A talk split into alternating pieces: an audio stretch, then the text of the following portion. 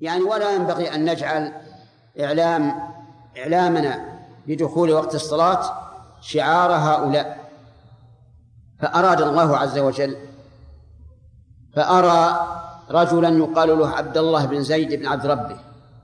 أراه, أراه في المنام شخصا معه ناقوس. قال له عبد الله بن زيد رضي الله عنه أتبيع هذا؟ قال لما؟ قال لأجل أن أعلم الناس بدخول الوقت. قال أفلا أدلك على خير من ذلك؟ قال بلى. فعلمه الأذان قال تقول الله أكبر الله أكبر إلى آخره. وكذلك الإقامة. فلما أصبح عبد الله بن زيد أخبر بذلك النبي صلى الله عليه وعلى آله وسلم. فقال إنها لرؤيا حق إن شاء الله. فأقرها. وقال اذهب إلى بلال وألقه عليه فإنه أندى صوتا منك. فذهب إلى بلال ولما حان وقت الصلاة جعل يلقنه إياه. فخرج عمر رضي الله عنه مسرعا. لما سمع ذلك وهو في بيته يجر رداءه. وأقسم أنه رأى في المنام مثل ما أريها هذا الرجل. فاتفقت الرؤيان على هذا الذكر المبارك وهذا الإعلام المبارك المشتمل على تعظيم الله عز وجل وتوحيده والشهادة لرسوله بالرسالة والدعوة إلى الصلاة والدعوة إلى الفلاح والختام بالتوحيد. لأن التكبير تعظيم لله عز وجل. وشهادة أن لا إله إلا الله إخلاص له عز وجل بالعبودية. وشهادة أن محمد رسول الله شهادة لمحمد بالرسالة وهو التزام باتباعه عليه الصلاة والسلام. وحي على الصلاة يعني أقبلوا عليها. وحي على الفلاح يعني أقبلوا على الفلاح. لأن الفلاح يكون بالصلاة فالصلاة سبب لكل خير. فانظر إلى هذا الذكر. الذي هدى الله له هذه الأمة ولله الحمد. ذكر مبارك. كله خير. كله تعظيم الله عز وجل وتوحيد الله. أبو محذورة رضي الله عنه كان مؤذنا بمكة. فعلمه النبي صلى الله عليه وعلى آله وسلم الأذان مرجعا. معنى مرجعا أنه إذا كبر التكبيرات الأربع الأولى قال أشهد أن لا إله إلا الله مرتين أشهد أن محمد رسول الله مرتين يخفض بهما صوته ثم أعادها يرفع بها صوته. فيكون الأذان على هذا تسع عشرة جملة بتكرار الشهادتين. قال أهل العلم والسر في ذلك أن أهل مكة كانوا مشركين في الأول قبل أن تفتح فكان أبو محذور رضي الله عنه يخفض صوته بالشهادتين إقرارا بهما بنفسه ثم يعود ويعلن ذلك حتى يترقب أهل مكة الصوت المرتفع لأنه إذا قال الله أكبر أربع مرات ثم خفض صوته صاروا يترقبون ماذا سيقول؟ ماذا سيقول؟ ثم يأتي إليهم الجهر بالشهادتين بعد أن تشوفوا وتشوقوا لما سيقول أبو محذور رضي الله عنه. وفي هذه الأحاديث دليل على أنه ينبغي أن يختار الصوت أن يختار للأذان من صوته أندى يعني أقوى حتى يسمع أكثر يعني حتى يسمع الناس الأكثر. وعلى هذا فيكون أداء الناس الأذان عبر الميكروفون من الأشياء المطلوبة. لأنه لا شك أنه أبعد للسماع. وهذه وسيلة والوسيلة حسب ما كان حسب الغاية. فإذا كان مطلوبا منا أن نرفع الصوت وأن نختار عند الناس صوتا حتى يسمع أكثر نقول إذن هذه المكبرات للصوت تكون مطلوبة. مطلوبة شرعا. لماذا؟ لأنها وسيلة إلى صوت أبعد. ومن ذلك أيضا من الوسائل ما تشاهدونه الآن هذا الخط الذي تسوى به الصفوف. فإنه فكرة طيبة وهو أيضا من الأمور المطلوبة. لأنه يتوصل به إلى تسوية الصفوف تسوية تامة والسرعة في هذا. كان الأئمة يعانون من تسوية الصفوف فيما سبق لأنه ليس هناك شيء يجمعهم لكن الحمد لله هدى الله الناس لهذه الفرش المخططة فصار فيها راحة وفيها إكمال لما يسن وهو تسوية الصف أو لما يجب لأن بعض العلماء يقول تسوية الصف واجبة. وفي هذه الأحاديث دليل على أنه يقال في أذان الفجر الصلاة خير من النوم مرتين بعد حي على الفلاح لأن النبي صلى الله عليه وعلى آله وسلم أمر بذلك في أذان الصبح. وليس كما توهمه بعض الناس أنه يقال في الأذان الذي يكون في آخر الليل فإن هذا وهم ظاهر وضلال بين التثويب في صلاة في أذان صلاة الفجر. لأن الأذان الذي قبل الفجر ليس للفجر لأنه قبل وقتها وقد بين النبي صلى الله عليه وعلى آله وسلم أنه أي الأذان الذي قبل الفجر لإيقاظ النائم وإرجاع القائم. فقال صلى الله عليه وعلى آله وسلم إن بلالا يؤذن بليل ليوقظ نائمكم ويرجع قائمكم. فكلوا واشربوا يعني في رمضان حتى تسمعوا أذان ابن أم مكتوم فإنه لا يؤذن حتى يطلع الفجر. فعلى هذا يكون قول الصلاة خير من النوم في الأذان الذي يكون في آخر الليل بدعة.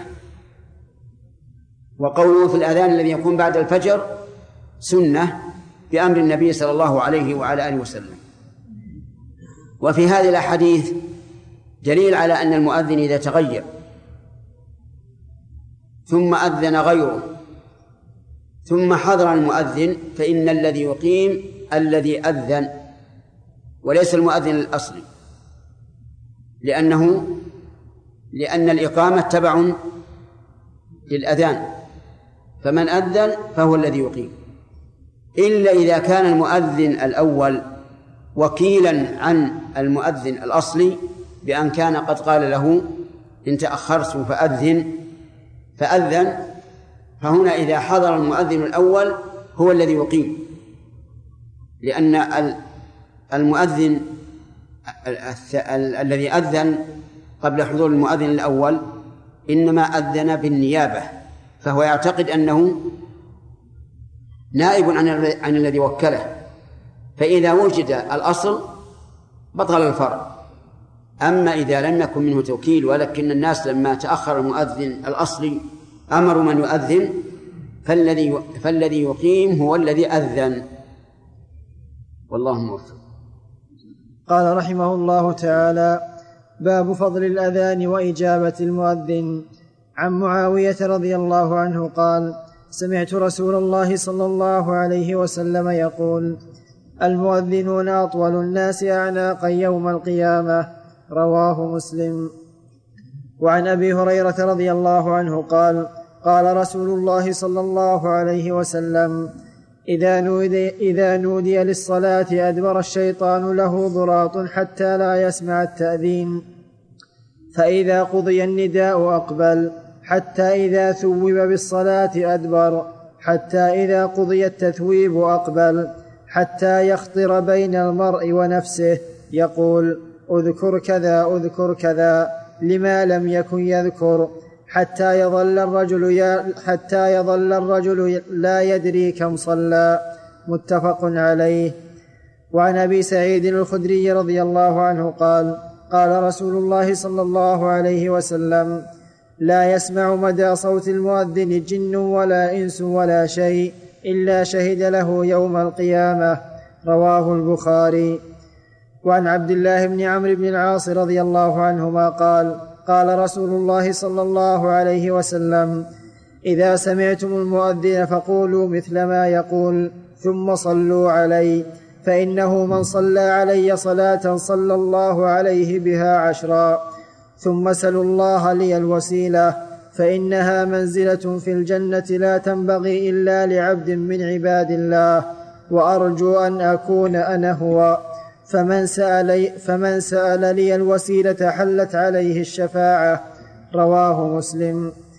وعن عمر رضي الله عنه قال قال رسول الله صلى الله عليه وسلم إذا قال المؤذن الله أكبر الله أكبر فقال أحدكم الله أكبر الله أكبر. ثم قال أشهد أن لا إله إلا الله. قال أشهد أن لا إله إلا الله. ثم قال أشهد أن محمدا رسول الله.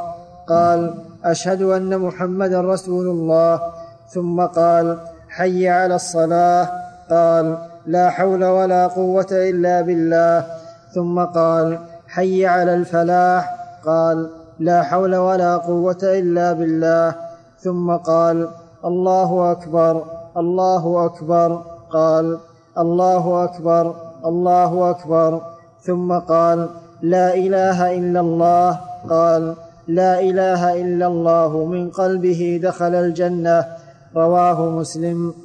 وعن جابر رضي الله عنه قال قال رسول الله صلى الله عليه وسلم من قال حين يسمع النداء اللهم رب هذه الدعوة التامة والصلاة القائمة آت محمدا الوسيله والفضيلة وابعثه مقاما محمودا الذي وعدته حلت له شفاعتي يوم القيامة. رواه البخاري.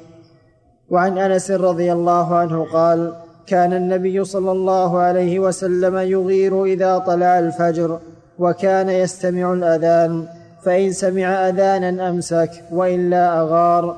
فسمع رجلا يقول الله أكبر الله أكبر. فقال رسول الله صلى الله عليه وسلم على الفطرة ثم قال أشهد أن لا إله إلا الله. فقال رسول الله صلى الله عليه وسلم خرجت من النار فنظروا إليه فإذا هو راعي معزى رواه فإذا هو راعي معزى رواه مسلم. وعن سعد بن أبي وقاص رضي الله عنه قال قال رسول الله صلى الله عليه وسلم من قال حين يسمع المؤذن أشهد أن لا إله إلا الله وحده لا شريك له وأن محمدا عبده ورسوله رضيت بالله ربا وبمحمد رسولا وبالإسلام دينا غفر له ذنبه. رواه مسلم. وعن عبد الله بن مغفل قال قال رسول الله صلى الله عليه وسلم بين كل آذانين صلاة بين كل آذانين صلاة. ثم قال في الثالثة لمن شاء متفق عليه. نعم من هذه الأحاديث في بيان فضل فضل الأذان وإجابة المؤذن وغير ذلك. فمن هذا أن النبي صلى الله عليه وعلى آله وسلم بين أن أطول الناس أعناقا يوم القيامة المؤذنون. تطول أعناقهم لأنهم لما رفعوا ذكر الله وسمعه الملأ أثابهم الله عز وجل بهذه الخاصية التي لا تكون لغيرهم. والظاهر أن معنى قوله المؤذنون يعني الذين التزموا بالأذان وراتبوا عليه. أما من أذن مرة واحدة في نزهة مع قومه أو ما أشبه ذلك فالظاهر أن الحديث لا يشمله. لأنه لا يسمى مؤذنا وإنما هو أذن مرة واحدة فلا يصدق عليه أنه من المؤذنين. ولكن مع ذلك هو أفضل قومه أفضل قومه الذي يبادر ويؤذن. لقول النبي صلى الله عليه وسلم لو يعلم الناس ما في النداء والصف الأول ثم لم يجدوا إلا أن يستهموا عليه لاستهموا. وإنه مع الأسف أن بعض الناس الآن إذا كانوا في البر في نزهة كل واحد يقول للثاني أذن أنت أذن أنت أذن أنت. والذي ينبغي أن يتسابق الناس إلى هذا. لأن النبي صلى الله عليه وسلم قال لو يعلموا ثم لم يجدوا إلا أن يستهموا عليه لاستهموا. وفي هذه الأحاديث أيضا دليل على أن أن الواحد في البر يشرع له أن يؤذن ويرفع صوته. لا يقول ليس حولي أحد لأنه لا يسمع صوته شيء إلا شهد له يوم القيامة. ولما سمع النبي صلى الله عليه وسلم صاحب معزة يعني غنم يؤذن فقال الله أكبر الله أكبر قال على الفطرة. ولما قال أشهد أن لا إله إلا الله قال وجبت له جنة أو قال خرج من النار. وهذا دليل على أن على أن الإنسان يشرع له أن يؤذن ولو كان وحده لينال الأجر وفيه دليل على أن إجابة المؤذن ليست بواجبة لأن النبي صلى الله عليه وعلى آله وسلم لم يجب هذا المؤذن ولكنها سنة مؤكدة. ولهذا قال النبي صلى الله عليه وعلى آله وسلم إذا سمعتم المؤذن فقولوا مثل ما يقول المؤذن تابعوه. إلا في حي على الصلاة حي على الفلاح فتقول لا حول ولا قوة إلا بالله. وأما الصلاة خير من النوم فالصحيح أنك تقول كما يقول الصلاة خير من النوم. وفي هذا أيضا في هذه الأحاديث دليل على فضيلة من أجاب المؤذن. يعني تابعه. ثم إذا فرغ صلى على النبي صلى الله عليه وعلى آله وسلم. ثم دعا فقال اللهم رب هذه الدعوة التامة والصلاة القائمة آت محمدا الوسيلة والفضيلة وابعثه مقاما محمودا الذي وعدته إنك لا تخلف الميعاد. الوسيلة بينها النبي صلى الله عليه وعلى آله وسلم بأنها درجة في الجنة عالية لا تنبغي إلا لأحد من عباد الله. قال وأرجو أن أكون أنا هو. فادعوا الله تعالى بهذا الدعاء. اللهم رب هذه الدعوة التامة يعني الأذان. والصلاة القائمة يعني التي ستقام آت محمدا الوسيلة هي الدرجة العليا في الجنة. والفضيلة يعني الفضل والمناقب. وابعثه مقاما محمودا الذي وعدته يعني يوم القيامة. ابعثه مقاما محمودا يحمده الناس الأولون والآخرون. الذي وعدته يشير إلى قوله تعالى ومن الليل فتهجد به نافلة لك عسى أن يبعثك ربك مقاما محمودا. وفي هذا إشارة إلى أن عسى إذا جاءت في القرآن فهي وعد من الله عز وجل. ولهذا يروى عن ابن عباس رضي الله عنهما أنه قال عسى من الله واجبة. يعني وعد واجب. ثم تدعو بما شئت بعد هذا ادعو الله لنفسك لوالديك لأي أحد من الناس. لأن الدعاء بين الأذان والإقامة لا يرد. فمن صلى على النبي صلى الله عليه وسلم بعد متابعة الأذان ودعا بالدعاء الذي سمعته حلت له شفاعة النبي صلى الله عليه وعلى آله وسلم يوم القيامة. وهذا ثمن قليل بعوض كثير. من يدرك شفاعة النبي صلى الله عليه وعلى آله وسلم؟ كثير من الناس تجد يؤذن وهو لا يبالي يتحدث يقرأ يراجع ولا يجيب المؤذن وهذا حرمان كبير. اقطع القراءة وأجب المؤذن. واختلف العلماء رحمهم الله فيما لو أذن وأنت في صلاة. هل تجيبه أو لا؟ فقال بعض العلماء تجيبه لأن الأذان ذكر والذكر لا يبطل الصلاة. فأجب المؤذن. وممن اختار هذا شيخ الإسلام ابن تيمية رحمه الله. قال يجيب المؤذن ولو كان في صلاة. وقيل لا يجيبه إذا كان في الصلاة لأنه طويل. يعني ليس ذكرا قليلا. كالتسبيح إذا مرت بك آية تسبيح أو ما أشبه ذلك. لكن هذا طويل. فلا يجيبه إلا أنه إذا فرغ من صلاته قضاه. واستدلوا بالحديث إن في الصلاة لشغلا فقالوا إن أذكار الصلاة مقدمة على هذا الذكر. ولكن نقول إن أجاب فعل خير وإن لم يجب وقضى بعد بعد سلامه فخير. وفي هذا هذه الأحاديث دليل على على أنه يسن أن يتطوع الإنسان. بين الأذان والإقامة في كل صلاة. ولننظر في صلاة الفجر في تطوع ما هو الراتبة راتبة الفجر. تكتفي بها ولا تزد عليها. إلا إذا دخلت المسجد وأنت قد صليت في البيت الراتبة فصلي تحية المسجد فقط. ولا يسن للإنسان أن يزيد على راتبة الفجر بين الفجر وأذان بين الفجر والإقامة. خلافا لما يفعله بعض الجهال تجده يأتي مبكرا فيصلي الراتبة ثم يبقى يتطوع. هذا غلط. خير الهدي هدي محمد صلى الله عليه وعلى آله وسلم وكان لا يزيد بين الأذان والإقامة في الفجر إلا على ركعتي الفجر بل يخففهما أيضا. نأتي إلى الظهر. بين الأذان والإقامة الصلاة ما هي؟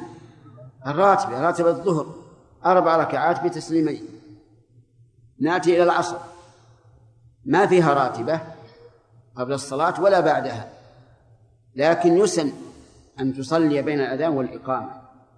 وقد روي عن النبي صلى الله عليه وعلى آله وسلم أنه قال رحم الله امرأ صلى قبل العصر أربعا المغرب؟ نعم. ما فيها راتبة لكن فيها سنة. حتى أن النبي صلى الله عليه وسلم قال صلوا قبل المغرب صلوا قبل المغرب صلوا قبل المغرب لمن شاء. قال راوي الحديث كراهية أن يتخذها الناس سنة أي سنة راتبة بعد أذان العشاء ما في سنة راتبة لكن في سنة مطلقة تطوع. إذا أذن فقم وصلي ركعتين فصار بين كل أذانين صلاة الفجر والظهر راتبة والعصر والمغرب والعشاء سنة وليس براتب. اللهم نقل المؤلف رحمه الله تعالى عن أبي هريرة رضي الله عنه قال قال رسول الله صلى الله عليه وسلم الإمام ضامن. والمؤذن مؤتمن. اللهم أرشد الأئمة واغفر للمؤذنين. رواه أحمد وأبو داود والترمذي والشافعي. وعن ابن عباس رضي الله عنهما قال قال رسول الله صلى الله عليه وسلم من أذن سبع سنين محتسبا كتب له براءة من النار رواه الترمذي وأبو داود وابن ماجه. وعن عقبة بن عامر رضي الله عنه قال قال رسول الله صلى الله عليه وسلم يعجب ربك من راعي غنم في رأس شظية للجبل يؤذن بالصلاة ويصلي فيقول الله عز وجل انظروا إلى عبدي هذا يؤذن ويقيم الصلاة يخاف مني يخاف مني قد غفرت لعبدي وأدخلته الجنة. رواه أبو داود والنسائي. وعن ابن عمر رضي الله عنهما قال قال رسول الله صلى الله عليه وسلم ثلاثة على كثبان المسك يوم القيامة عبد أدى حق الله تعالى وحق مولاه ورجل أم قوما وهم به راضون ورجل ينادي بالصلوات الخمس كل يوم وليلة رواه الترمذي وقال هذا حديث غريب. وعن أبي هريرة رضي الله عنه قال قال رسول الله صلى الله عليه وسلم المؤذن يغفر, يغفر له مدى صوته ويشهد له كل رطب ويابس وشاهد الصلاة يكتب له خمس وعشرون صلاة ويكفر عنه ما بينهما. رواه أحمد وأبو داود وابن ماجه. وروى النسائي, وروى النسائي إلى قوله كل رطب ويابس وقال وله مثل أجر من صلى. وعن عثمان بن أبي العاص رضي الله عنه قال قلت يا رسول الله اجعلني إمام قومي قال أنت إمامهم واقتد بأضعفهم واتخذ مؤذنا لا يأخذ على أذانه أجرا. رواه أحمد وأبو داود والنسائي. وعن أم سلمة رضي الله عنها قالت علمني رسول الله صلى الله عليه وسلم أن أقول عند أذان المغرب اللهم هذا إقبال ليلك وإدبار نهارك وأص... وإدبار نهارك وأصوات دعاتك فاغفر لي. رواه أبو داود والبيهقي في الدعوات الكبرى. وعن أبي أمامة رضي الله عنه أو بعض أصحاب رسول الله صلى الله عليه وسلم قال إن بلالا أخذ في الإقامة فلما أن قال قد قامت الصلاة قال رسول الله صلى الله عليه وسلم أقامها الله وأدامها. وقال في سائر الإقامة كنحو حديث عمر في الأذان رواه أبو داود. وعن أنس رضي الله عنه قال قال رسول الله صلى الله عليه وسلم لا يرد الدعاء بين الأذان والإقامة. رواه أبو داود والترمذي. وعن سهل بن سعد رضي الله عنه قال قال رسول الله صلى الله عليه وسلم ثنتان لا تردان أو قل ما تردان الدعاء أو قل ما تردان الدعاء عند النداء وعند الباس حين يلحم بعضهم بعضا. وفي رواية وتحت المطر رواه أبو داود والدارمي إلا أنه لم يذكر وتحت المطر وعن عبد الله بن عمرو رضي الله عنهما قال قال رجل يا رسول الله إن المؤذنين يفضلوننا فقال رسول الله صلى الله عليه وسلم قل كما يقولون فإذا انتهيت فسل تعطى رواه أبو داود. وعن جابر رضي الله عنه قال سمعت, سمعت النبي صلى الله عليه وسلم يقول إن الشيطان إذا سمع النداء بالصلاة ذهب حتى يكون مكان الروحاء قال الراوي والروحاء من المدينة على ستة وثلاثين ميلا. رواه مسلم. وعن علقمة بن وقاص قال إني لعند معاوية إذ أذن مؤذنه. فقال معاوية كما كما قال مؤذنه حتى إذا صلوا مع الجماعة صلوا مع الجماعة. لا تنفردوا عن المسلمين. بسم الله الرحمن الرحيم هذه أحاديث في بيان فضل الأذان وما يتعلق به. منها أن النبي صلى الله عليه وعلى آله وسلم بين أن الإمام ضامن والمؤذن مؤتمن مؤتمن. ضامن يعني أن أن المأمومين يقتدون به فهو ضامن أن يصلي بهم كما كان النبي صلى الله عليه وعلى آله وسلم يصلي بأصحابه. ولذلك يجب على الإمام أن يراعي السنة في إمامته بخلاف ما لو صلى الإنسان وحده فيصلي كيف شاء يطيل يقصر تقصيرا لا يخل. أما الإمام فيجب أن يتحرى السنة فيصلي بالناس كما كان النبي صلى الله عليه وعلى آله وسلم يصلي بالناس. لأنه ضامن ضامن كضامن المال لمستحقه فهو ضامن. كثير من الأئمة نسأل الله لنا ولهم الهداية يراعون ما يشتهي ما يشتهي الناس فيسرعون في الإقامة ويسرعون كذلك في الصلاة. ولا يتحرون قراءة السور التي كان النبي صلى الله عليه وسلم يقرأ بها. ولا شك أن تعجيل الصلاة سنة أفضل لكن يترك الناس حتى يتوضأ المتوضئ. وإذا كانت الصلاة لها راتبة قبلها كالظهر والفجر يراعي الناس في هذا أيضا. أما المؤذن فمؤتمن مؤتمن على الوقت. لأنه أي المؤذن يراقب الوقت. ينظر متى يدخل الوقت فيؤذن.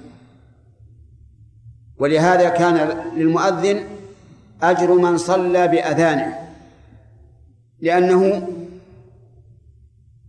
هو الذي دعاه إلى إلى الصلاة ومن دعا إلى خير فكفاعله ومن هذه الأحاديث أيضا أن الله سبحانه وتعالى بحكمته جعل للذين لا يؤذنون أجر المؤذنين إذا تابعوه يعني إذا قال مثل ما يقول المؤذن إلا في حي على الصلاة فيقول لا حول ولا قوة إلا بالله وفي حي على الفلاح يقول لا حول ولا قوة إلا بالله. فينال أجره. وهذه من نعمة الله تبارك وتعالى.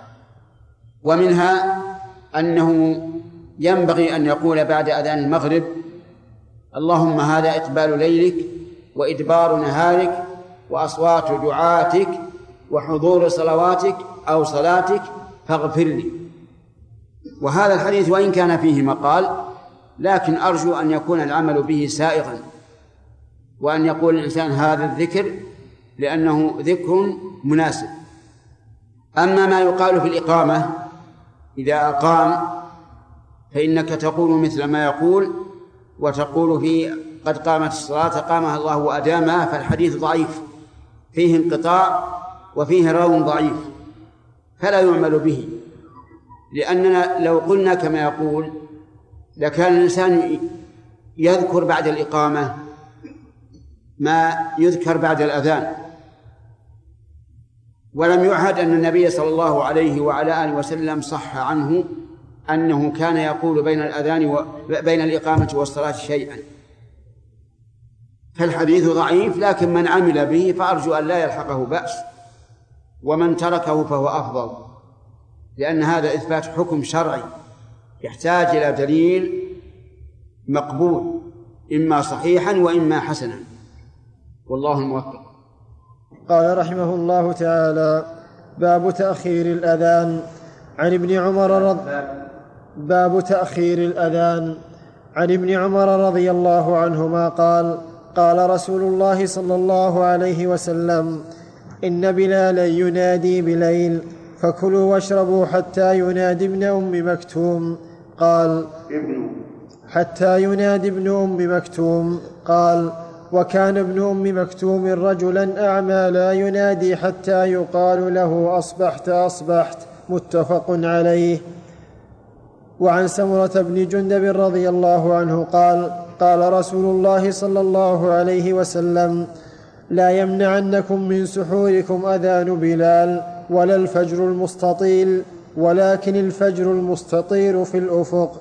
رواه مسلم ولفظه للترمذي. وعن مالك بن الحويرث رضي الله عنه قال أتيت النبي صلى الله عليه وسلم أنا وابن عم لي فقال إذا سافرتما فأذنا وأقيما وليؤمكما أكبركما. رواه البخاري. وعنه رضي الله عنه قال قال لنا رسول الله صلى الله عليه وسلم صلوا كما رأيتموني أصلي وإذا حضرت الصلاة فليؤذن لكم أحدكم ثم ليؤمكم أكبركم. متفق عليه. وعن أبي هريرة رضي الله عنه قال إن رسول الله صلى الله عليه وسلم حين قفل من غزوة خيبر سار ليلة حتى إذا أدركه الكراع الرس وقال لبلال اكلأ لنا الليل. فصلى بلال ما قدر له ونام رسول الله صلى الله عليه وسلم وأصحابه. فلما تقارب الفجر استند بلال إلى راحلته موجها الفجر فغلبت, بلال فغلبت بلالا عيناه وهو مستند إلى راحلته. فلم يستيقظ رسول الله صلى الله عليه وسلم ولا بلال ولا أحد من أصحابه حتى ضربتهم الشمس.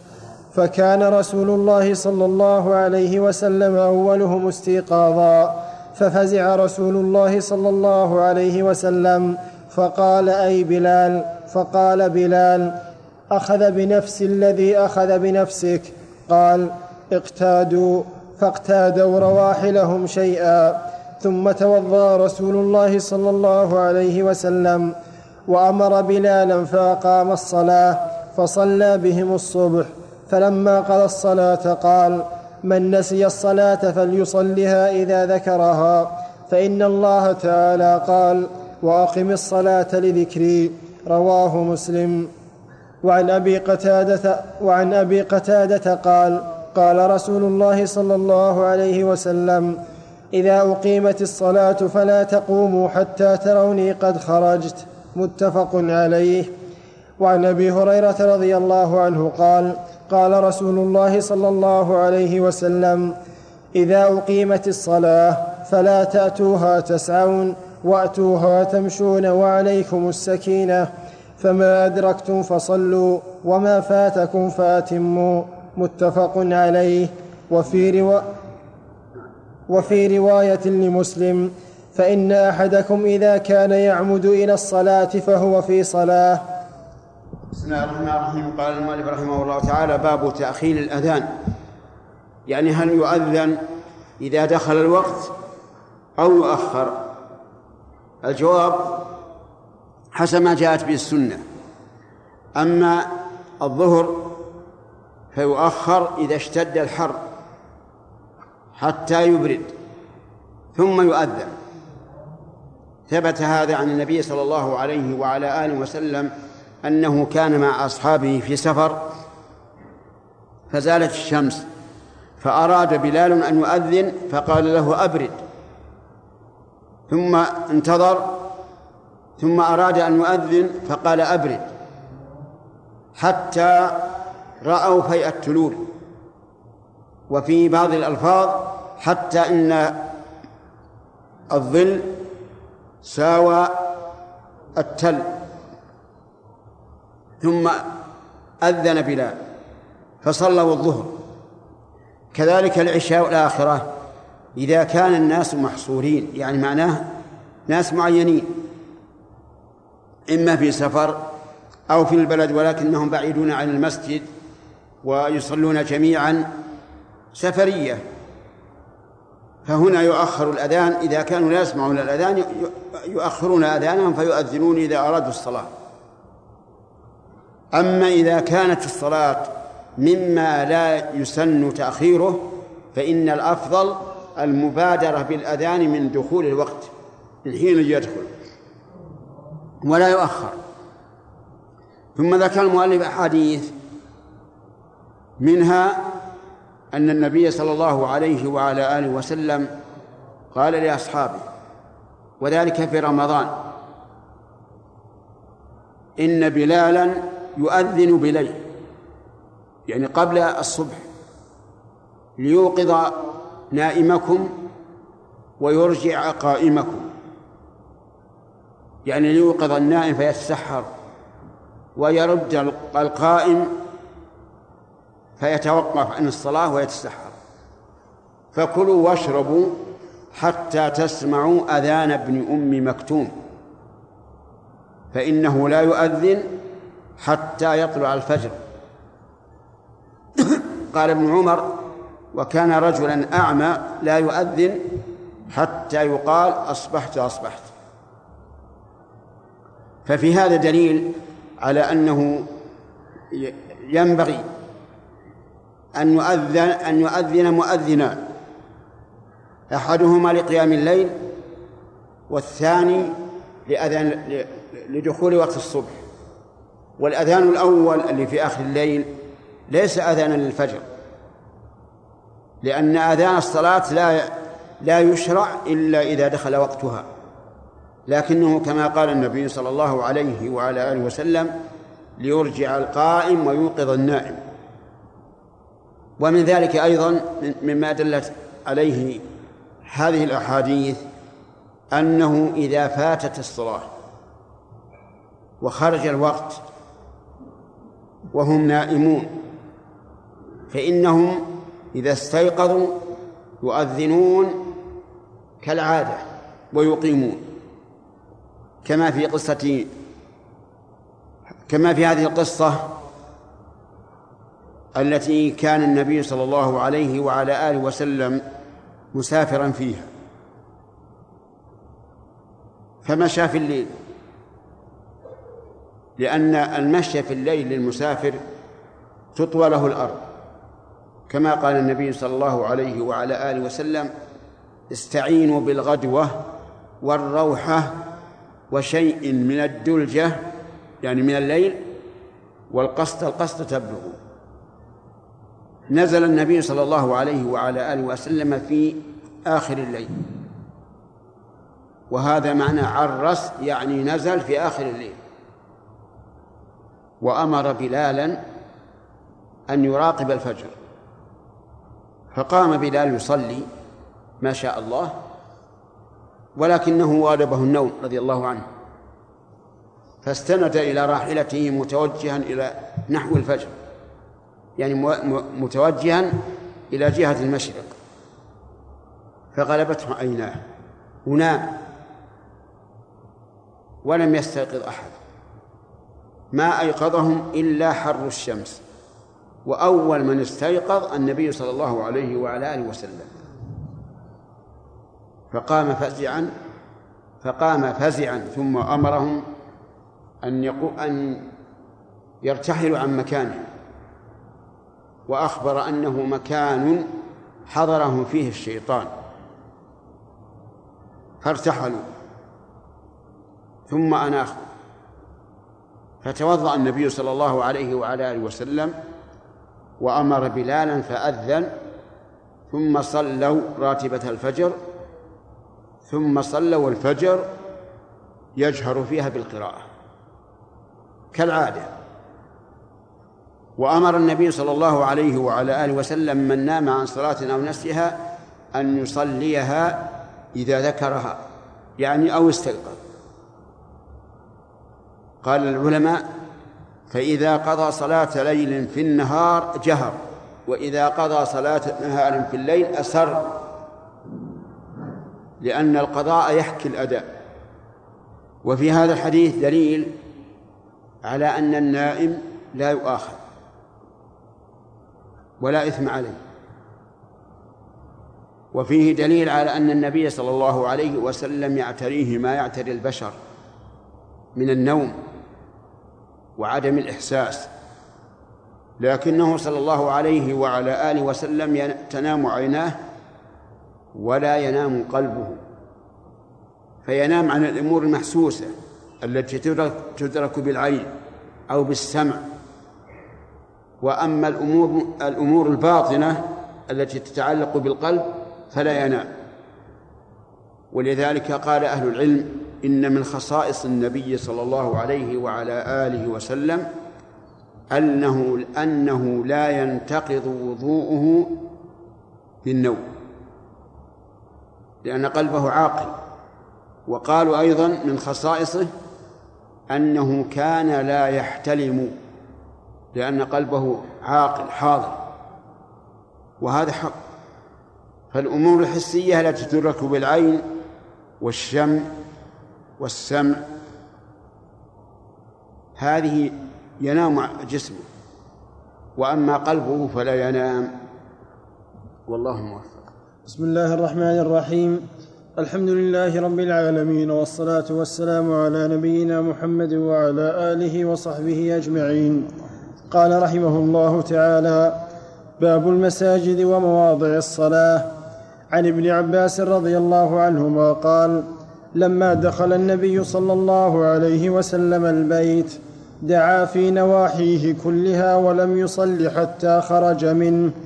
فلما خرج رك ركع ركعتين في قبل, في قبل الكعبة وقال هذه فلما خرج ركع ركعتين في قبل الكعبة وقال هذه القبلة رواه البخاري. وعن عبد الله بن عمر رضي الله عنهما أن رسول الله صلى الله عليه وسلم دخل الكعبة هو وأسامة بن زيد وعثمان بن طلحة الحجبي وبلال بن رباح فأغلقها عليه ومكث فيها فسألت بلالا حين خرج ماذا صنع رسول الله صلى الله عليه وسلم؟ فقال جعل عمودين عن يساره وعمودين عن يمينه وثلاثة أعمدة وراءه وكان البيت يومئذ على ستة على ستة أعمدة ثم صلى. متفق عليه. وعن أبي هريرة رضي الله عنه قال قال, قال رسول الله صلى الله عليه وسلم صلاة في مسجدي هذا خير من ألف صلاة فيما سواه إلا المسجد الحرام. متفق عليه. وعن أبي سعيد الخدري رضي الله عنه قال قال رسول الله صلى الله عليه وسلم لا تشد الرحال إلا إلى ثلاثة مساجد مسجد الحرام والمسجد الأقصى ومسجدي هذا. متفق عليه. وعن أبي هريرة رضي الله عنه قال قال قال رسول الله صلى الله عليه وسلم ما بين بيتي ومنبري روضة من رياض الجنة ومنبري على حوضي. متفق عليه. وعن ابن عمر رضي الله عنهما قال كان النبي صلى الله عليه وسلم يأتي مسجد قباء كل سبت ماشيا وراكبا فيصلي فيه ركعتين متفق عليه. وعن أبي هريرة رضي الله عنه قال قال رسول الله صلى الله عليه وسلم أحب البلاد إلى الله مساجدها وأبغض البلاد إلى الله أسواقها. رواه مسلم. باب المساجد ومواضع الصلاة. بسم الله الرحمن الرحيم. قال المؤلف رحمه الله تعالى باب المساجد ومواضع الصلاة. المساجد تطلق على معنيين المعنى الأول عام والمعنى الثاني خاص. أما العام فكل الأرض مسجد. قال النبي صلى الله عليه وعلى آله وسلم جعلت لي الأرض مسجدا وطهورا. كل الأرض صالحة للسجود إلا ما استثني. والثاني الخاص وهي الأمكنة التي أعدت للصلاة كمساجدنا هذه. هذه المساجد الخاصة فيها مساجد أخص وهي المسجد الحرام والمسجد النبوي والمسجد الأقصى ثلاثة. هذه أخص المساجد أفضلها المسجد الحرام. الذي فيه الكعبة. ثم المسجد النبوي مسجد النبي صلى الله عليه وعلى آله وسلم. ثم المسجد الأقصى في فلسطين. هذه المساجد أفضل المساجد على الإطلاق. وأفضلها المسجد الحرام ثم المسجد النبوي ثم المسجد الأقصى. ولهذا قال العلماء من نذر أن يصلي في المسجد الحرام لم يجزه إلا المسجد الحرام. يعني قال لله علي نذر أن أصلي في المسجد الحرام ركعتين لا يجزئه إلا المسجد الحرام لأنه ليس فيه مسجد أفضل منه. وإن نذر أن يصلي في المسجد النبوي قال لله عليه نذر أن أصلي في المسجد النبوي ركعتين. أجزأه في المسجد النبوي لأنه عينه وأجزأه في المسجد الحرام لأنه أفضل منه. ومن نذر أن يصلي في المسجد الأقصى. أجزاءه في المسجد الأقصى لأنه عينه وفي المسجد النبوي لأنه أفضل منه وفي المسجد الحرام لأنه أفضل منهما. ولهذا جاء رجل إلى النبي صلى الله عليه وعلى آله وسلم وقال إني نذرت إن فتح الله عليك مكة أن أصلي في المسجد الأقصى. فقال صل ها هنا. يعني في مكة. فأعاد عليه قال صل ها هنا. فأعاد عليه قال شأنك إذا. المسجد الحرام الذي هو أفضل المساجد هو مسجد الكعبة فقط دون بقية مكة. ودليل ذلك ما رواه مسلم رحمه الله في صحيحه أن النبي صلى الله عليه وسلم قال صلاة في مسجدي هذا أفضل من ألف صلاة فيما سواه إلا مسجد الكعبة فخص مسجد الكعبة. ولذلك لا تشد الرحال إلى مساجد مكة سوى المسجد الذي فيه الكعبة. لقول النبي صلى الله عليه وعلى آله وسلم لا تشد الرحال إلا إلى ثلاثة مساجد المسجد الحرام ومسجد هذا والمسجد الأقصى. والمراد بالمسجد الحرام مسجد الكعبة لا بقية مساجد مكة. لكن لا شك أن أن مكة أي ما كان داخل الحرم أفضل مما كان خارج الحرم. والدليل على هذا أن النبي صلى الله عليه وعلى آله وسلم لما نزل الحديبية بعضها من الحل وبعضها من الحرم أناخ في الحل. وكان إذا جاء وقت الصلاة دخل في الحرم يعني في فيما داخل حدود الحرم وصلى. وهذا يدل على أن الصلاة في فيما كان داخل حدود الحرم أفضل من الصلاة فيما كان خارج حدود الحرم. لكن ليس هو الأفضل بالنسبة للتضعيف إلى خير من مئة ألف.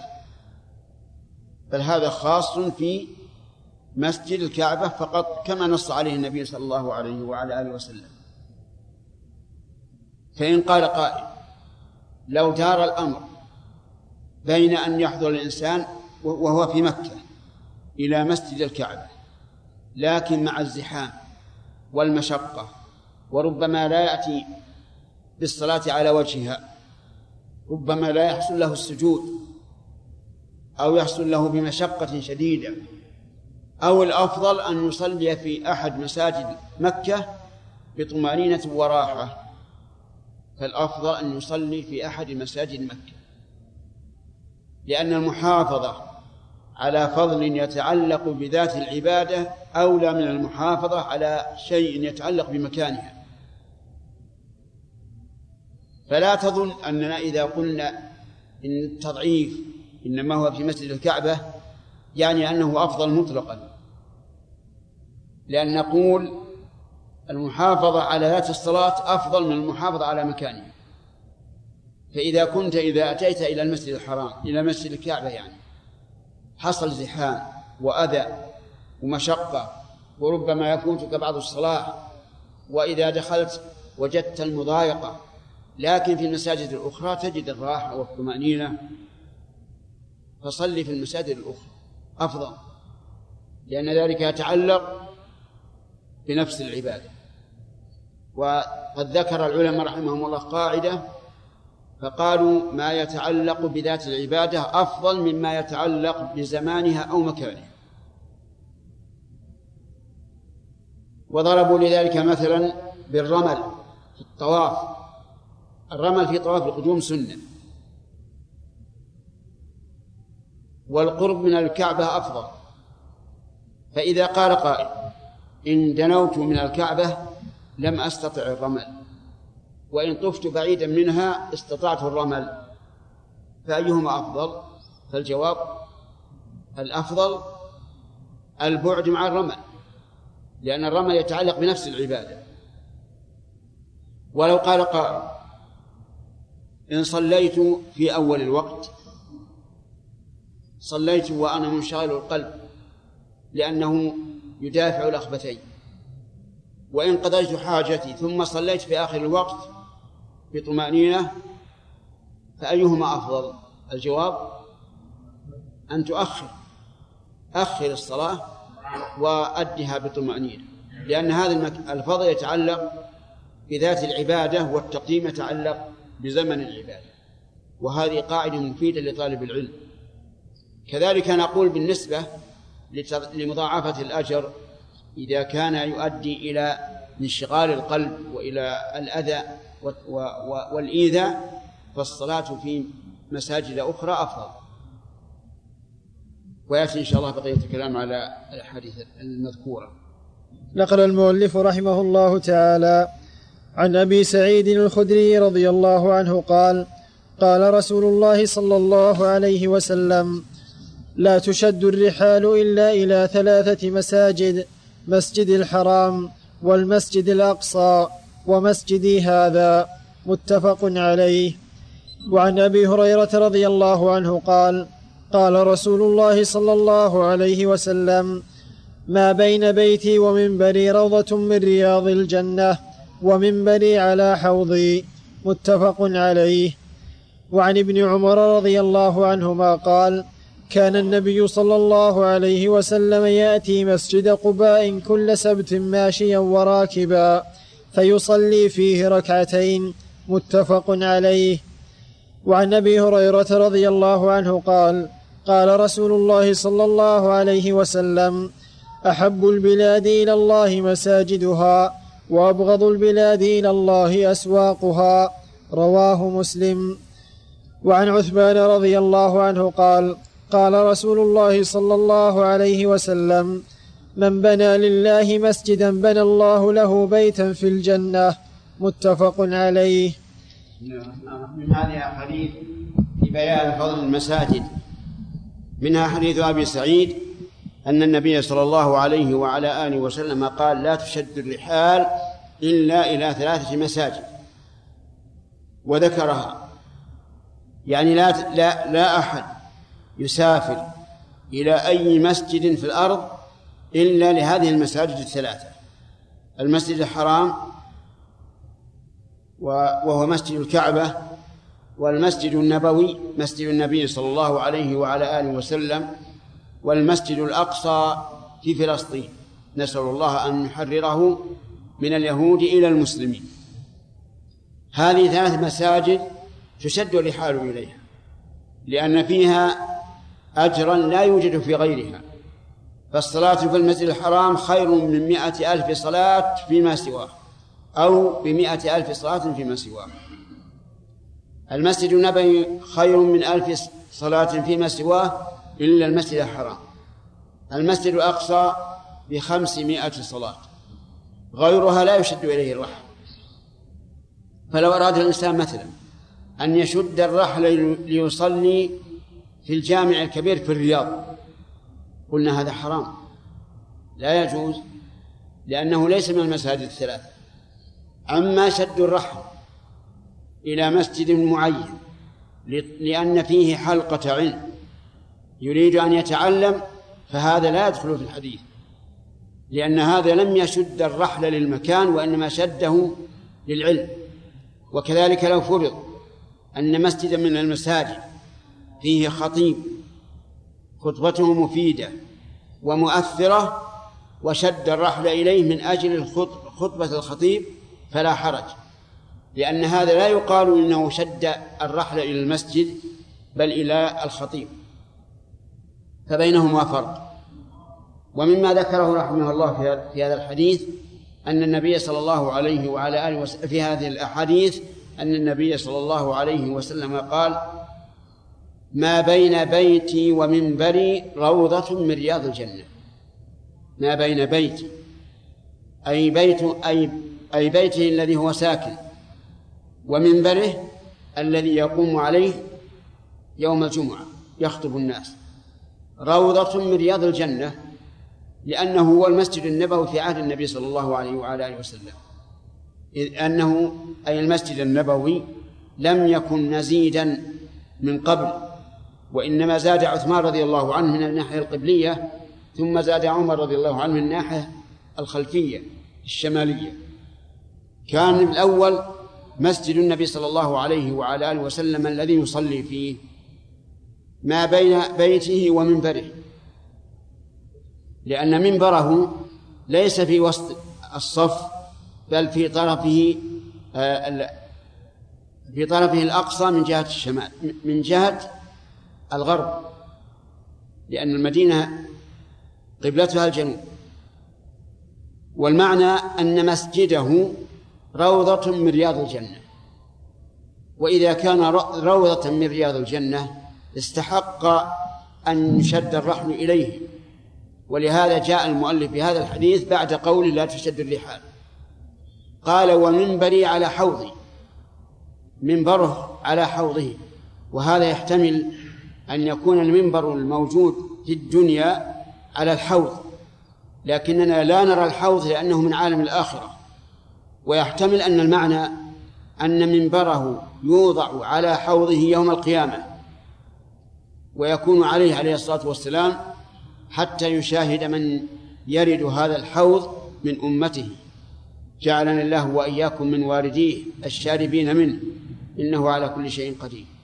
وفي هذه الأحاديث أيضا روى مسلم أن أحب البقاع إلى الله مساجدها وأبغض البقاع إلى الله أسواقها ووجه ذلك أن المساجد محل الصلاة والقراءة والذكر والعلم وسكن الملائكة عليهم الصلاة والسلام. أما الأسواق فإنها أسواق لغط ورفع أصوات وربما يكون فيها حلف على كذب أو غش أو ما أشبه ذلك فلهذا كانت أبغض البقاع إلى الله عز وجل. وفي هذا الحديث دليل على أن الله تبارك وتعالى موصوف بالمحبة وأن محبته قد قد تتعلق بالأعيان وتعلق بالأعمال وتعلق بالأزمان. فأحب البقاء إلى الله المساجد وأبغضها إليه الأسواق. إذن ينبغي لنا أن نحرص على أن نعمر هذه المساجد التي هي أحب البقاع إلى الله عز وجل. بطاعة الله من صلاة وقراءة وذكر وعلم وغير ذلك. والله نقل المؤلف رحمه الله تعالى عن عثمان رضي الله عنه قال قال رسول الله صلى الله عليه وسلم من بنى لله مسجدا بنى الله له بيتا في الجنة متفق عليه. وعن أبي هريرة رضي الله عنه قال قال رسول الله صلى الله عليه وسلم من غدا إلى المسجد أو راح أعد الله له نزله من الجنة كلما غدا أو راح. متفق عليه. بسم الله الرحمن الرحيم. قال المؤلف رحمه الله تعالى فيما نقله من أحاديث فضيلة المساجد. عن عثمان رضي الله عنه أن النبي صلى الله عليه وعلى آله وسلم قال من بنى لله مسجدا بنى الله له بيتا في الجنة. ففي هذا الحديث الترغيب في بناء المساجد. وأن من بنى مسجدا لله بنى الله له بيتا في الجنة في دار لا يفنى نعيمها ولا يبيد.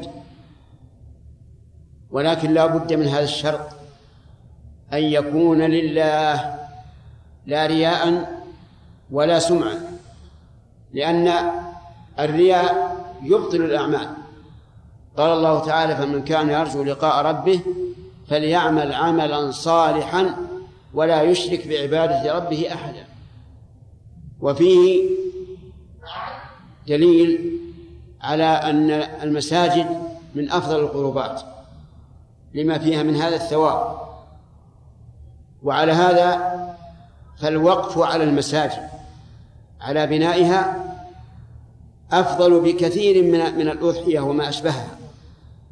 فإن الناس عندنا كانوا يوقفون ويوصون بعقاراتهم أو أثلاثهم يجعلونها في أضحية وعشم في رمضان وما أشبه ذلك. والمساجد أفضل أفضل لأن أجرها دائم كل السنة ليلا ونهارا ولأنها أسلم للذمم. فإن الأوقاف الخاصة دائما يحصل فيها مشاكل. ويحصل فيها تفريط بل ويحصل فيها قطيعة رحم وعداوة بين الأقارب. ومنها أن الوقف الخاص إذا خرب لم تجد من يقوم به. يتتاكل الناس بعضهم على بعض ثم يضيع. فمن كان عنده فضل مال فالذي نرى أن يجعله في بناء المساجد. ما دام حيا يخشى البقاء يؤمن البقاء ويخشى الفقر. أما حديث أبي هريرة ففيه أن النبي صلى الله عليه وسلم قال من غدا إلى المسجد أو راح أعد الله له نزلا في الجنة كلما غدا أو راح غدا يعني ذهب في الصباح راح في آخر النهار. ومن المعلوم أن هذا فيه الحث على صلاة الجماعة في المساجد وأنك إذا خرجت من بيتك بعد الفجر تريد أن تصلي صلاة الفجر كتب الله لك بذلك نزلا في الجنة وكذلك بعد بعد الزوال في آخر النهار. كلما غدوت إلى المسجد أو رحت فإن الله تعالى يعد لك نزلا في الجنة أي ضيافة كلما غدوت أو رحت. فاحرص يا أخي المسلم. احرص على التردد إلى المساجد ففيه الخير وفيه الأجر حتى أن الرجل إذا تطهر في بيته وخرج إلى المسجد لا يخرجه إلا الصلاة لم يخطو خطوة إلا رفع الله له بها درجة وحط عنه بها خطيئة. فإذا وصل المسجد وصلى وانتظر الصلاة فإن الملائكة تصلي عليه تقول اللهم صل عليه اللهم اغفر له اللهم ارحمه ولا يزال في صلاة من انتظر الصلاة. والله موفق. أي نعم إذا خرج من بيته يقول بسم الله آمنت بالله اعتصمت بالله توكلت على الله ولا حول ولا قوة إلا بالله. اللهم اجعل في قلبي نورا وفي سمعي نورا وفي بصري نورا وعن يميني نورا وعن شمالي نورا ومن فوقي نورا ومن تحتي نورا. وكذلك إذا دخل المسجد له الذكر المعروف بسم الله والسلام على رسول الله اللهم افتح لي أبواب رحمتك. نقل المؤلف رحمه الله تعالى عن أبي موسى الأشعري رضي الله عنه قال قال رسول الله صلى الله عليه وسلم أعظم الناس أجرا في الصلاة أبعدهم فأبعدهم ممشى والذي ينتظر الصلاة حتى يصليها مع الإمام أعظم أجرا من الذي يصلي ثم ينام. متفق عليه. وعن جابر رضي الله عنه قال خلت البقاع حول المسجد فأراد بنو سلمة أن ينتقلوا قرب المسجد فبلغ ذلك النبي صلى الله عليه وسلم فبلغ ذلك النبي صلى الله عليه وسلم فقال لهم بلغني أنكم تريدون أن تنتقلوا قرب المسجد. قالوا نعم يا رسول الله قد أردنا ذلك. فقال يا بني, سل يا بني سلمة دياركم تكتب آثاركم دياركم تكتب آثاركم رواه مسلم. وعن أبي هريرة رضي الله عنه قال قال رسول الله صلى الله عليه وسلم سبعة يظلهم الله في ظله يوم لا ظل إلا ظله إمام عادل وشاب نشأ في عبادة الله ورجل قلبه معلق بالمسجد إذا خرج منه حتى يعود إليه. ورجلان تحابا في الله اجتمعا عليه وتفرقا عليه. ورجل ذكر الله خاليا ففاضت عيناه. ورجل دعته امرأة ذات حسب وجمال فقال إني أخاف الله. ورجل تصدق بصدقة فأخفاها حتى لا تعلم شماله ما تنفق يمينه. متفق عليه.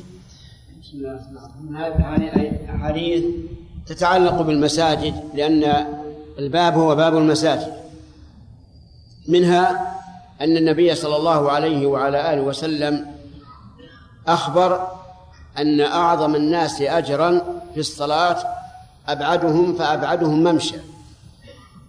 يعني صلاة الجماعة. فكلما بعد المسجد عن بيت الإنسان كان أعظم أجرا مما إذا كان قريبا.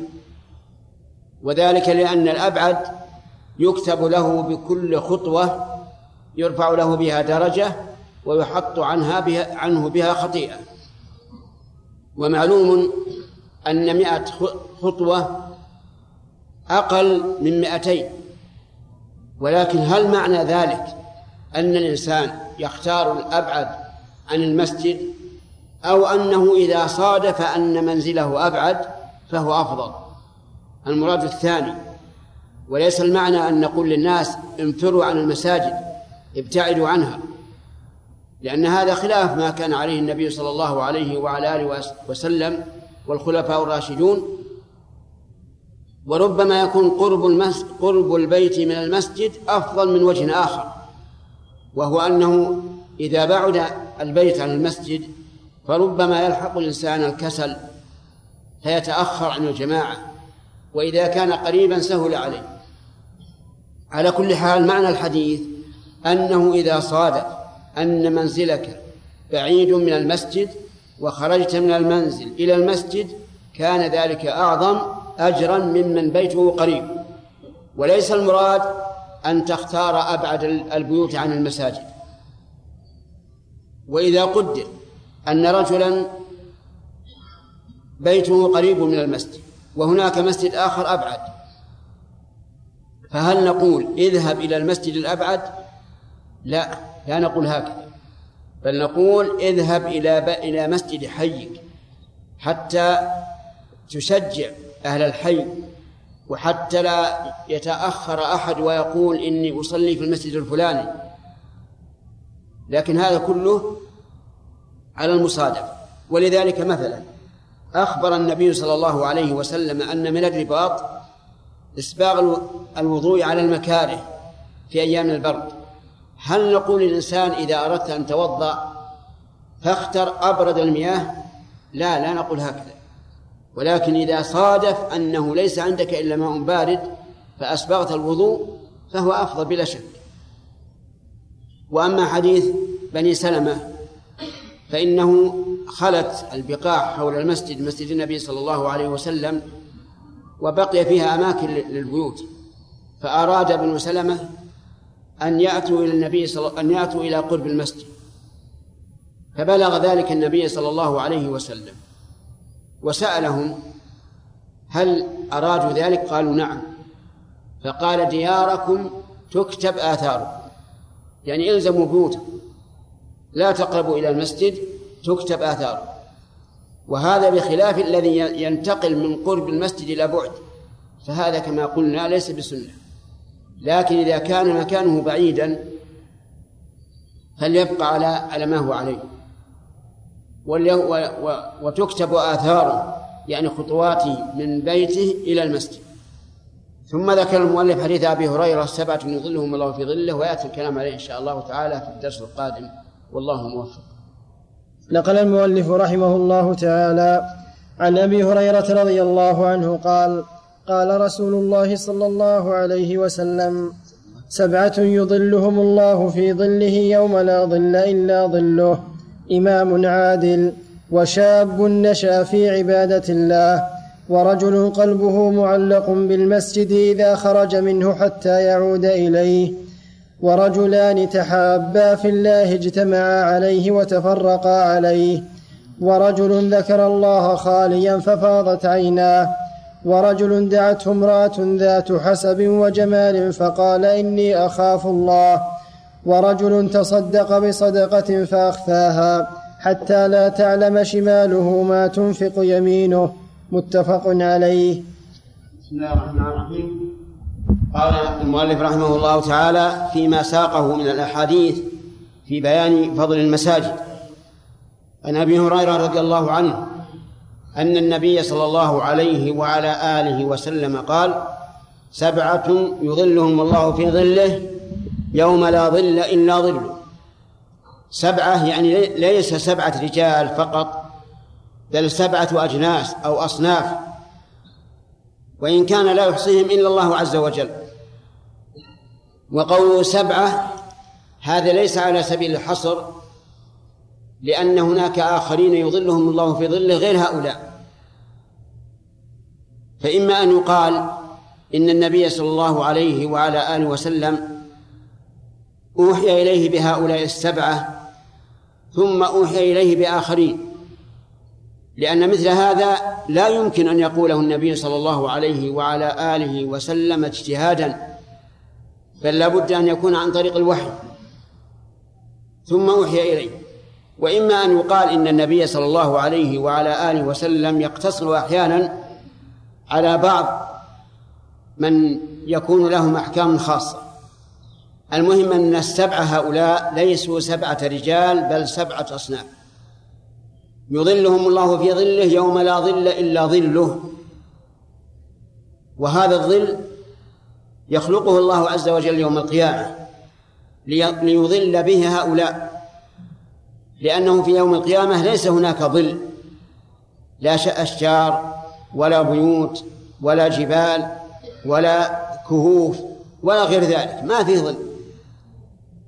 كما قال عز وجل ويسألونك عن الجبال فقل ينسفها ربي نسفا فيذرها قاعا صفصفا لا ترى فيها عوجا ولا أمتا. ما في ظل إلا من خلق الله له ظلا يظله ومن ذلك الصدقات. فإن النبي صلى الله عليه وعلى آله وسلم قال كل امرئ في ظل صدقته يوم القيامة. فالأعمال قد تظلل صاحبها يوم القيامة بظل يخلقه الله عز وجل. يوم لا ظل إلا ظله إمام عادل. إمام. يعني رئيس أمة. سواء سمي إماما أو ملكا أو سلطانا أو خليفة.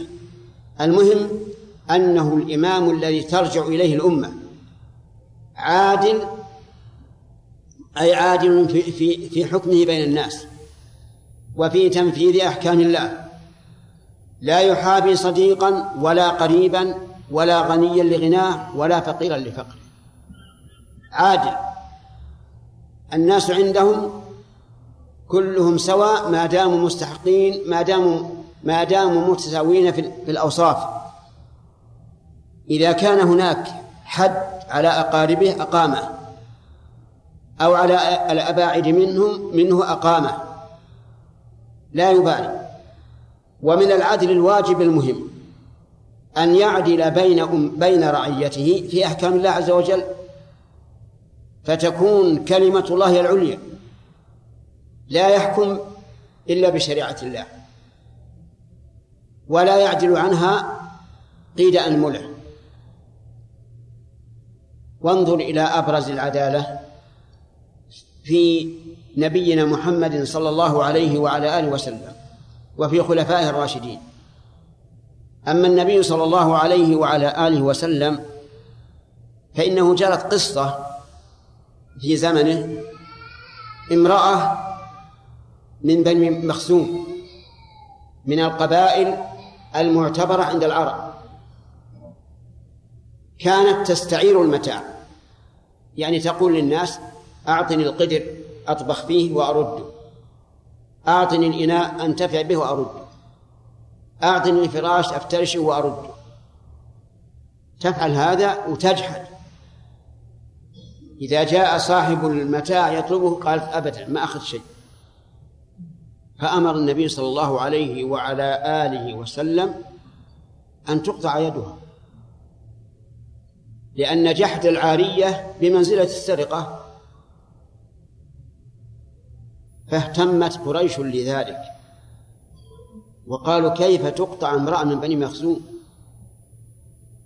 فأهمهم الأمر. فابتغوا رجلا يشفع إلى النبي صلى الله عليه وعلى آله وسلم لعله يسقط حد القطع عنها. فرأوا أقرب الناس وأجسر الناس عليه مولاه أو مولى مولاه أسامة ابن زيد ابن حارثة. وكان النبي صلى الله عليه وعلى آله وسلم يحب ويحب أباه. فتكلم فيها عند النبي صلى الله عليه وسلم. فأنكر عليه. وقال أتشفع في حد من حدود الله؟ ثم قام فخطب الناس. النبي صلى الله عليه وسلم. لأنه يعرف ما ماذا دار في الناس وجاءت المناسبة. خطب الناس فحمد الله وأثنى عليه. وقال أما بعد فإنما أهلك من كان قبلكم أنهم إذا سرق فيهم الضعيف تركوه. أنه إذا سرق فيهم الشريف تركوه وإذا سرق فيهم الضعيف أقاموا عليه الحد. ويم الله يعني أقسم بالله لو أن فاطمة بنت محمد سرقت لقطعت يدها. اللهم صل وسلم. أيما أشرف المخزومية أو فاطمة؟ فاطمة أشرف. نسبا وحسبا ودينا. وهنا قال لقطعت يدها أي هو بنفسه يباشر قطع اليد. ما يأمر مثل ما فعل بالمخزومية هو نفسه يباشر. يقطع يد بنته لو أنها سرقت. أترون عدلا أقوى من هذا العدل؟ لا. ثم انظر إلى الخلفاء الراشدين. أبو بكر رضي الله عنه عدل عن الخلافة عن جعل الخلافة في بنيه وجعلها في عمر بن الخطاب. لأنه يرى أنه مسؤول عند الله عز وجل من خلفت على عبادي. هل خلفت فيهم أقوم الناس في دين الله وفي رعاية عباد الله. لكنه رضي الله رضي الله عنه علم أن أحق الناس بالخلافة هو من؟ عمر بن الخطاب. وعرف حجته عند الله عز وجل. هذا عدل. ولا ما, ما الذي يمنعه أن أن يجعل الخليفة بعده أحد بنيه ثم انظر إلى عمر رضي الله عنه. كان إذا أمر الناس بشيء أو نهاهم عن شيء جمع أهله. وقال لهم إني أمرتك بكذا أو نهيت عن كذا. وإن الناس ينظرون إليكم نظر الطير إلى اللحم. يعني ينقضون عليكم إذا رأوا أي عيب ويم الله لا يبلغون عن أحد منكم أنه فعل كذا إن كان قد نهى عنه أو ترك كذا إن كان قد أمر به إلا أضعفت عليه العقوبة. إذا كان يجلد غيره عشرة يجلد, يجلد هؤلاء عشرين. هذا العدل لكن قد تقول أيها السطحي في عقلك قد تقول هذا مو عدل ليش يزود ليش يزيد هؤلاء عقوبة؟ والجواب أن نقول إن هؤلاء تجرؤوا على المخالفة بسبب قربهم من من من الخليفة. فهم قد رأوا أنفسهم متميزين عن الناس بهذا فأراد أن يبين أن الخليفة هو أول من ينكل به وضاعف عليه ونظير ذلك من بعض الوجوه. أن النبي صلى الله عليه وعلى آله وسلم أرسل عمر بن الخطاب يقبض الزكاة. اسمع لهذه القصة سبحان الله. أرسل يقبض الزكاة لما رجع قيل منع ابن جميل ومنع خالد بن الوليد ومنع العباس ابن عبد المطلب. ثلاثة العباس بن عبد المطلب والصلة بالرسول. عمه. فقال النبي صلى الله عليه وعلى آله وسلم ما ينقم ابن جميل إلا أن كان فقيرا فأغناه الله. يعني هذه حجته. وإذا كان فقيرا فأغناه الله هل من شكر نعمة الله أن يمنع الزكاة أو أن يؤدي الزكاة والصدقة؟ أن يؤدي الزكاة والصدقة. ما الحجة ما ينقم ابن جميل إلا أن غناه أن كان فقيرا فأغناه الله. وأما خالد بن الوليد رضي الله عنه فإنكم تظلمون خالدا. فقد احتبس أذراعه وأعتده في سبيل الله. شوف التفخيم الخالد. أما خالد فإنكم تظلمون خالدا ولم يقل فإنكم تظلمونه بل أظهر اسمه تفخيما له وتكريما له. فإنكم تظلمون خالدا. خالد من؟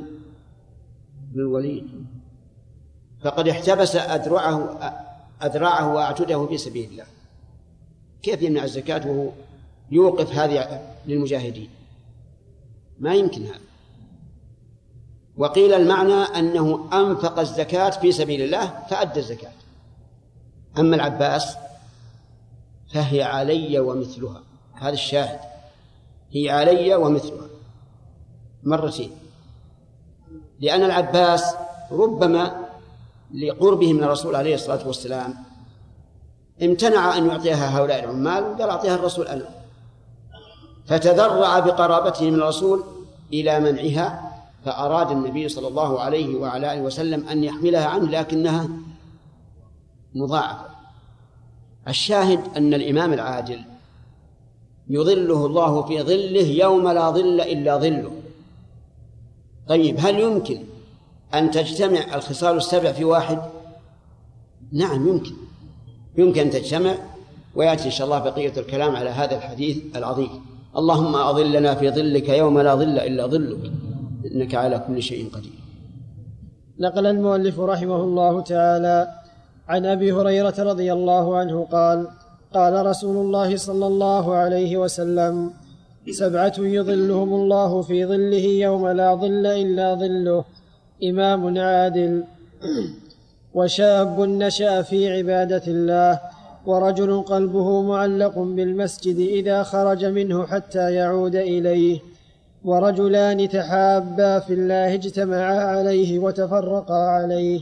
ورجل ذكر الله خاليا ففاضت عيناه ورجل دعته امرأة ذات حسب وجمال فقال إني أخاف الله. ورجل تصدق بصدقة فأخفاها حتى لا تعلم شماله ما تنفق يمينه. متفق عليه.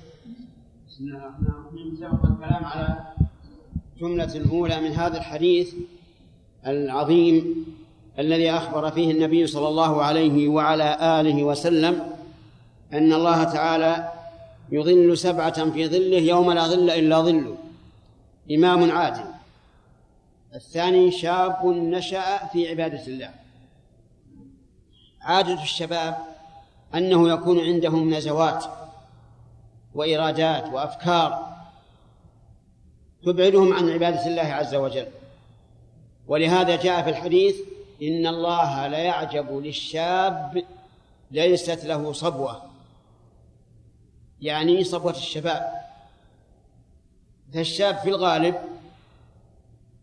لا يكون عنده قوة في عبادة الله عز وجل. فإذا نشأ في عبادة الله من صغره واستمر على ذلك حتى الموت فإن الله تعالى يظله في ظله يوم لا ظل إلا ظله. وفي هذا إشارة إلى أنه ينبغي أن نعتني بالصبيان. وأن ننشئهم نشأة صالحة على عبادة الله على محبة الصلاة والمساجد والخير وغير ذلك مما يدخل في العبادة. ومن هذا أن نحثهم على الالتحاق بحلق تحفيظ القرآن فإنها حلق مباركة نافعة تصد الشاب عن التسكع في الأسواق والذهاب يمينا وشمالا ومصاحبة الأشرار وترغبهم في المساجد وقراءة القرآن. فهذا من أسباب نشوء الشاب في طاعة في عبادة الله عز وجل. الثالث رجل قلبه معلق في المساجد. إذا خرج فقلبه في المسجد إذا خرج من المسجد فقلبه فيه يحبه ويألفه. لأنه محل الذكر والعبادة وقراءة القرآن وغير ذلك. وهذا هو الشاهد من الحديث في هذا الباب. وقيل معنى يعلق بالمساجد أي يعلق بالصلاة. فهو كلما فرغ من صلاة انتظر الصلاة الأخرى. وهما متلازمان لأن الرجال صلاتهم في المساجد فكلما فرغ من صلاة الجماعة تعلق قلبه بالصلاة الأخرى. ورجلان تحابا في الله اجتمعا عليه وتفرقا عليه. رجلان ليس بينهما صلة لا مصاهرة ولا قرابة وإنما تحابا في الله. رأى أحدهما الآخر يعبد الله عز وجل ويكثر من طاعته فأحبه. حتى تفارقا بالموت. اجتمع عليه وتفرق عليه. ولهذا ينبغي للإنسان إذا أحب شخصا أن يخبره بذلك. قال النبي صلى الله عليه وعلى آله وسلم لمعاذ بن جبل رضي الله عنه يا معاذ إني أحبك فلا تدعن أن تقول دبر كل صلاة مكتوبة اللهم أعني على ذكرك وشكرك وحسن عبادتك.